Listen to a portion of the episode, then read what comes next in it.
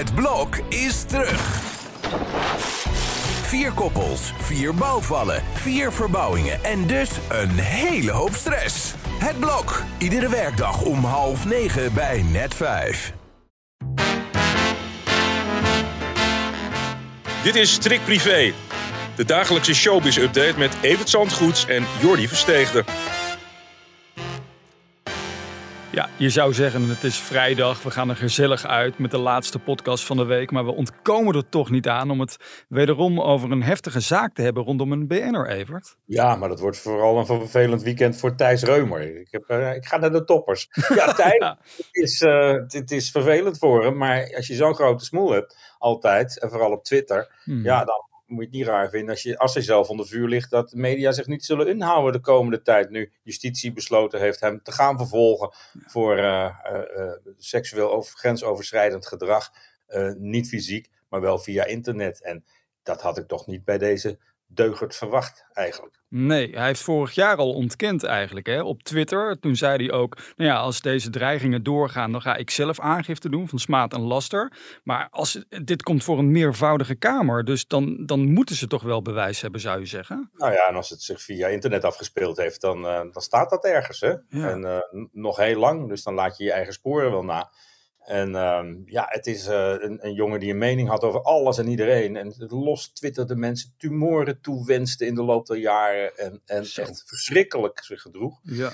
Niet de beste acteur van Nederland, wens ik er altijd bij te zetten. Want zelfs in oogappels was het afgrijzelijk om te zien wat hij duidelijk te doen. Mm -hmm. En uh, ja, uitgerekend hij komt dan op zo'n manier in het nieuws. Ja. Nou, we gaan het natuurlijk volgen en met de nodige objectiviteit. Ja. Maar ik denk dat het uh, een lastige zaak wordt voor hem. Juist omdat er uh, ja, natuurlijk genoeg digitale sporen zullen zijn. Anders besluiten ze hier niet toe. Ja, jij zei gisteren inderdaad al, hè, toen we het over Danny de Munk hadden. We, we, moeten niet te vroeg oordelen natuurlijk. Hè. We moeten het eerst even afwachten wat er gaat komen. Maar nogmaals, als iets voor de meervoudige kamer komt. Ja, er staat een, een celstraf van maximaal vier jaar op. Hè, als dit... Ja, die komt daar niet eens voor de rechter. En dat geldt natuurlijk ook voor uh, Johnny de Mol. Die ook niet vervolgd is en niet als verdachte is aangemerkt. En dat is hij nu, uh, nu wel.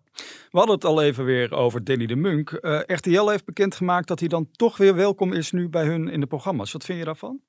Nou, dat lijkt me een goed signaal. Eerst, eerst werd er een ander bericht dat het niet, nu niet aan de orde was. Mm -hmm. uh, nou, dat zou nu wel aan de orde moeten zijn. Want als hij van alle smetten vrij is, dan staat niets het oppakken van zijn carrière in de weg. Uh, dat heeft RTL later veranderd in, uh, ja, de deur staat weer open. Maar er moet even werk voor hem zijn. Ja. Maar ja, dat neemt niet weg dat dit een afgelopen jaar een verloren seizoen voor hem is geweest. Zowel in theater als op tv. En dat is een hard gelach voor Danny.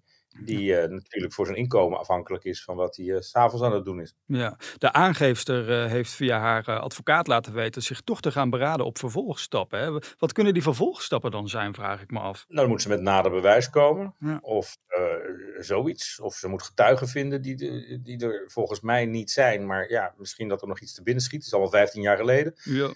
En uh, ja, je kan natuurlijk een, een, onderzoek laten instellen naar hoe dat politieonderzoek is uitgevoerd. En of je dan vindt dat zij ver genoeg zijn gegaan om die bewijzen te vinden. En als je op dat punt wat vindt, dan zou je het door kunnen zetten. Maar ik vond dat gisteren nou niet het bericht om mee naar buiten te komen. En hem opnieuw in het verdachte bankje te zetten waar hij net uitgekomen was. Nee, tot slot hierover. Op 1 december uh, wordt bepaald of zij dan alsnog hè, onder, e ja, onder Ede moet gaan uh, getuigen. Dus dat wil Danny nog steeds. Dat zij toch gaat vertellen wat daar is gebeurd. Er is grote schade. En als hij op iemand wil gaan verhalen, dan is dit het traject wat hij door moet. En dat is opnieuw heel vervelend. En dan moet je uiteindelijk ook nog hopen of er van een kip wat te plukken is. Want het, ja, het gaat om een jonge vrouw die niet in staat zal zijn om de tonnen, misschien wel meer, uh, die, die Danny inmiddels aan imago en, en in zijn portemonnee heeft opgelopen, te, te, compenseren. Zullen wij het over iets luchtigs hebben? Over de toppers. Jij begon er net al over. Dit weekend is het dan eindelijk weer zover. Nou, ik sprak de mannen gisteren. Ze zijn uiterst vrolijk. Ze hebben er echt weer zin in. Maria-beeld in, de, in, die, in die ja. kleedkamer van Gerard. Ja. ja, zo is mama er toch een beetje bij.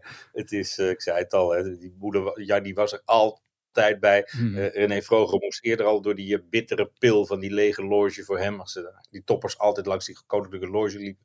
Gordon heeft dat ook meegemaakt en nu was de beurt aan Gerard. Ja, ze worden allemaal ouder, ze verliezen hun ouders. En dat is gewoon uh, buitengewoon pijnlijk moment vanavond. Maar ja, het is ook Gerard die heel dankbaar terugkijkt op het hele lange leven van zijn moeder Jannie. Natuurlijk zal ze worden gemist, maar hij hoopt dat hij niet hier vanaf een andere plek dat zij ziet dat het allemaal goed met hem gaat. En goed gaat met de toppers. En dat er opnieuw 65.000 mensen staan mee te blaren vanavond en, en, en, dit weekend. Ja, ongelooflijk hè. En er wordt een eerbetoon gebracht aan Rob de Nijs. Ontzettend mooi. Ja, in het uh, bijzijn van zijn vrouw uh, Jet.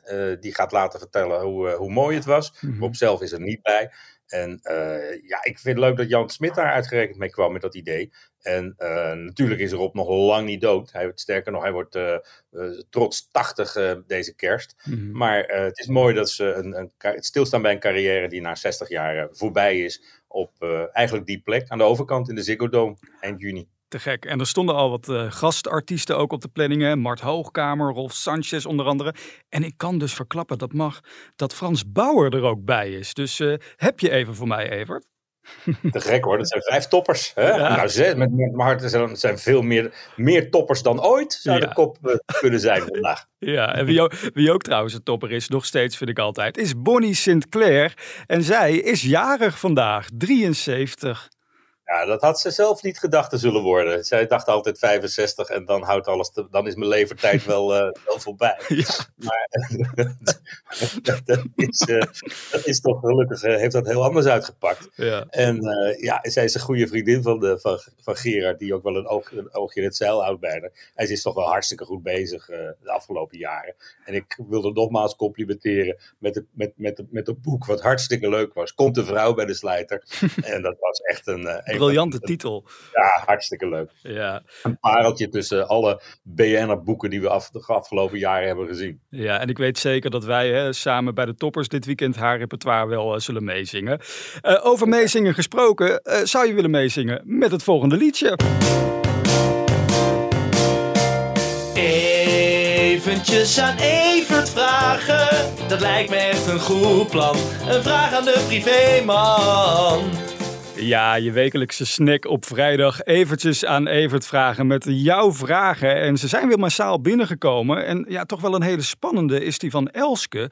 Want zij is benieuwd wat jij verwacht van het stuk over Matthijs van Nieuwkerk in de Volkskrant dit weekend. Nou ja, de lat ligt hoog natuurlijk. Als er steeds gezegd wordt dat er vijf maanden door een heel team aan gewerkt is, dan uh, kan het niet anders zijn dan een, uh, een, verhaal wat of heel goed is of heel snel tegenvalt. Maar ja. ik denk toch wel dat er het een en ander te onthullen valt over Matthijs. En dat hebben we zelf ook al een keer gedaan in de tijd dat het speelde en hij heilig was in Hilversum. Hmm. We hebben toen een paar keer onthuld hoe lastig hij was op de werkvloer. En ook dat er lijsten waren van visagistes, opnameleiders, cameramensen, zelfs redacteuren niet te vergeten, met wie die niet meer wilde werken. En, en die van de ene dag op de andere gewoon aan de kant gezet werden. Nou, dat is niet de sfeer waarin normaal gewerkt wordt achter de schermen van tv-programma's. Maar hij was daar echt uh, heel streng in. Het regende weer ontslagen, zou uh, boven Ervedorens dan zeggen. En uh, ja, als dat nu allemaal naar boven komt, dan is dat wel een pijnlijk verhaal. Denk trouwens dat hij er niet op gaat reageren. Dat is helemaal zijn, zijn manier van doen. Destijds met die enorme flop van dat, van dat restaurant. Dat werd met veel DWDD-restaurant. Dat werd met veel bombarie ge, geopend. Maar toen daar niemand kwam en het een hele dure flop is geworden toen, toen hoorde je Matthijs daar nooit over. Die denkt, ach, dat waait alweer over. En in principe is dat ook zo, want hoe meer commentaar je geeft, hoe langer een verhaal wordt, hè? Ja, nou ja, kijk, als dit echt zo'n heftig verhaal is, dan zou je toch zeggen, dan moet je toch reageren als je je imago nog een beetje wil redden. Dus ja. ik ben ontzettend benieuwd hoe dit gaat aflopen. We zullen het na dit weekend, ja, maandag toch ongetwijfeld over gaan hebben in ja, deze podcast. Met dezelfde ogen naar die gezellige Matthijs in uh, chansons kunnen kijken. Dat gaan we meemaken. Maandag dus, dan zijn we er weer na het weekend om 12 uur op telegraaf.nl.